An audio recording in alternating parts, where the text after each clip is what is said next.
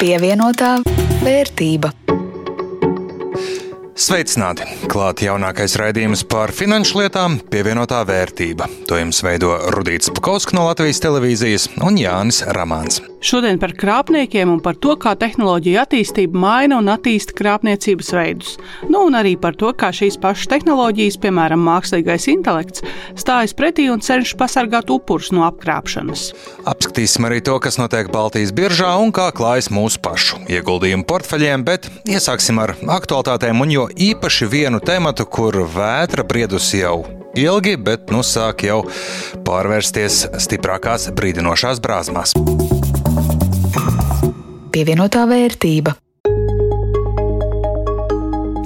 Šonadēļ droši var teikt, ka turpināsies diskusijas par kredītņēmēju atbalstīšanu. Procentu likmju kāpums daudziem sāpīgi sit pa ģimenes budžetiem, un arī politiķi šķiet apņēmības pilni rīkoties. Nu, pagaidām visskaļāk izskan priekšlikums bankām uz pusi samazināt piemērojamos procentus, nu, un kā izskatās no pašu kabatas. Loģiski, bankas ir ne tuvu nav sajūsmā, draud ar tiesu darbiem un piesauc demokrātiju un kapitālismu, kur peļņa ir svēta. Bankas nav labdarības iestādes, visas uzņēmējdarbības pamatā, protams, ir peļņa, bet ja tirgus nestrādā, valstī ir tiesības un arī pienākums iejaukties. Lielais jautājums, vai tiešām tirgus nestrādā. Latvijas bankas dati par kreditēšanu Latvijā rāda augstākus procentus mājokļu kredītiem, mazāk izsniegtus kredītus, zemes iespējas nomainīt, pie kā kredīts paņemts nekā vidēji Eirozonā.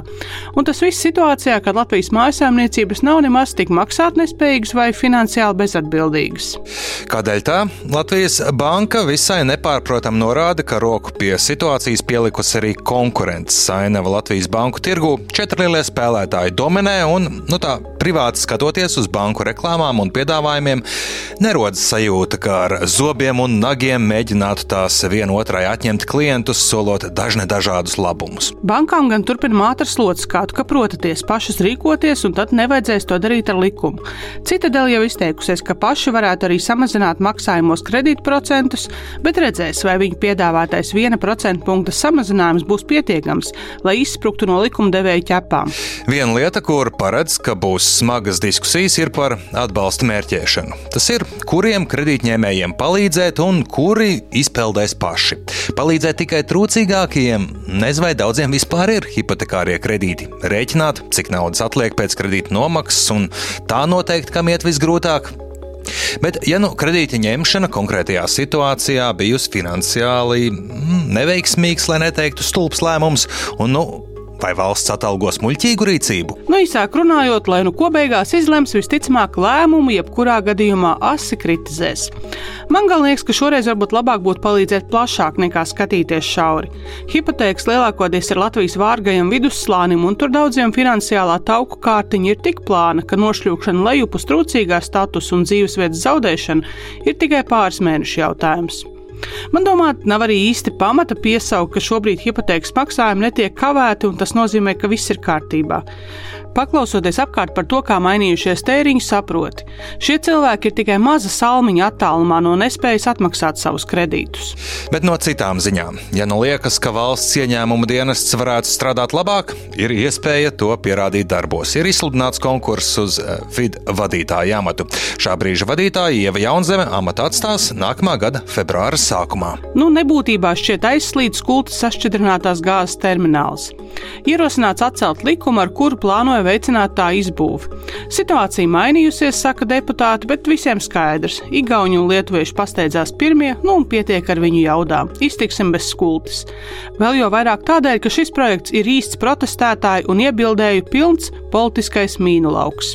Bet no iepriecinošām ziņām, vismaz tiem, kas laika pa laikam kaut kur ceļo ar lidmašīnu, Eiropas parlaments ķēries pie lidmašīnu rokas bagāžu noteikumiem un vēlas, lai tie būtu vienādi visām aviokompānijām kompānijām. Tas nozīmē, ka ar laiku vairs nevajadzēs atcerēties, kura somiņa kurā avio kompānijā der kā rokas bagāža, bet kur par to būs jāpiemaksā. 12 miljonu eiro pērn izkrāpt no Latvijas banku klientiem, pašiem apstiprinot šos maksājumus, te jau ikdienu ziņās mums pavīd pa kādam gadījumam, kur uzķeroties zināmām vai jaunām krāpnieku schēmām, cilvēkiem izkrāptas iespaidīgas naudas summas. Nu, kaut vai paskatoties septembra ziņu virsrakstus vien, un tikai LSMLV portālā. Facebook platformā krāpnieki uzdodas par Latvijas pastu pārstāvjiem.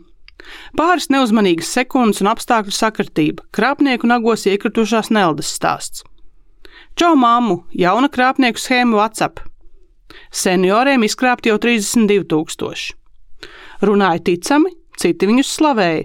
Krāpniekiem 1000 eiro atdevušās sievietes stāsts. Krāpnieku telefona zvanos nu jau upurus uzrunā arī latviešu. Un vēl ir daudzi, jo daudzi stāsti, kuri tā arī publiski nemaz neparādās, un iespējams par tiem neuzzina arī tiesību sargājošās iestādes. Arī es aizdītajā nedēļā saņēmu kārtējo krāpnieku zvanu, viegli atšifrējumu, šoreiz krieviski, par investīcijām. Tevi rudīt liek mierā? Tu ko? Protams, ka zvana. Es gan vienkārši neklausos, ko saka, atvedos un pārtraucu zvanu. Pēc medijos un no draugiem dzirdētā, viņi reizēm tik smalki māk apvārdot, ka, manuprāt, vieglāk ir vienkārši pat nesākt sarunu. Tā tālāk no grēka, tā teikt. Es nesen tikos ar diviem uzņēmumu vadītājiem, dibinātājiem, kuru bizness ir pasargāt citus uzņēmumus no apkrāpšanas ar viedo tehnoloģiju palīdzību. Ondato darbojas 192 valstīs un palīdz izveidot finanšu iestādēm, bet ne tikai pret krāpniecību drošas sistēmas. Tās vadītājs un līdzdibinātājs Ļuidis Kanapēnis skaidro, ka būtībā, lai gan krāpniecību schēmu un gadījumu skaits pēdējos gados strauji aug, tas nenozīmē, ka pašu krāpnieku ir vairāk, bet gan to, ka tehnoloģijas tiem ļauj darboties milzīgos mērogos un globāli. So we have to understand that the, in general, the, the fraud and scam today Šobrīd jāsaprot, ka krāpniecības schēmas mūsdienās ir ļoti attīstītas un sarežģītas.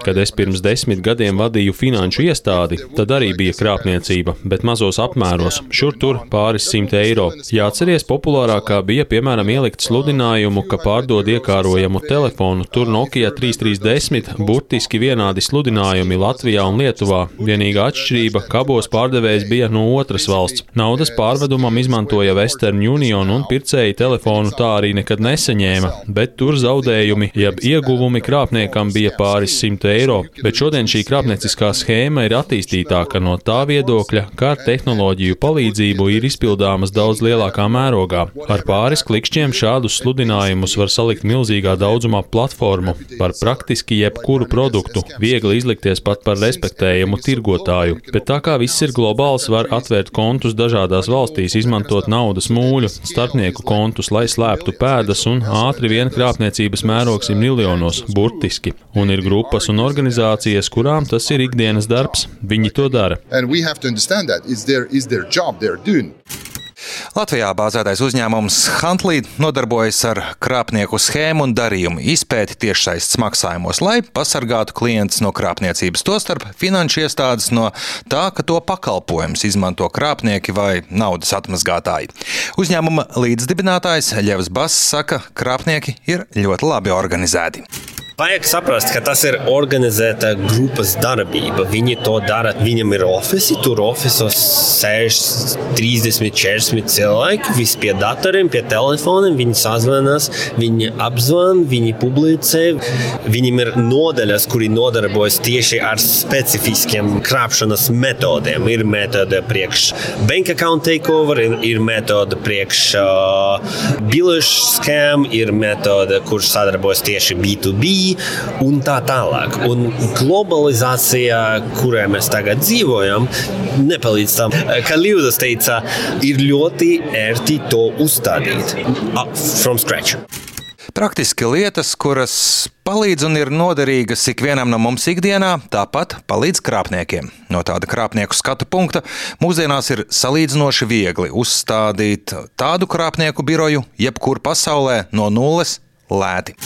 Just to give an example, yeah, so you can buy whatever type of country ID. Tīri piemēram, var nopirkt praktiski jebkuras valsts personas identifikācijas kodu internetā par 20 eiro, atvērt bankas kontus jebkur pasaulē tiešsaistē ar visiem autorizācijas kodiem, arī ap 20 eiro, atvērt, nodibināt uzņēmumu pat ar vienu mārciņu, piemēram, Lielbritānijā.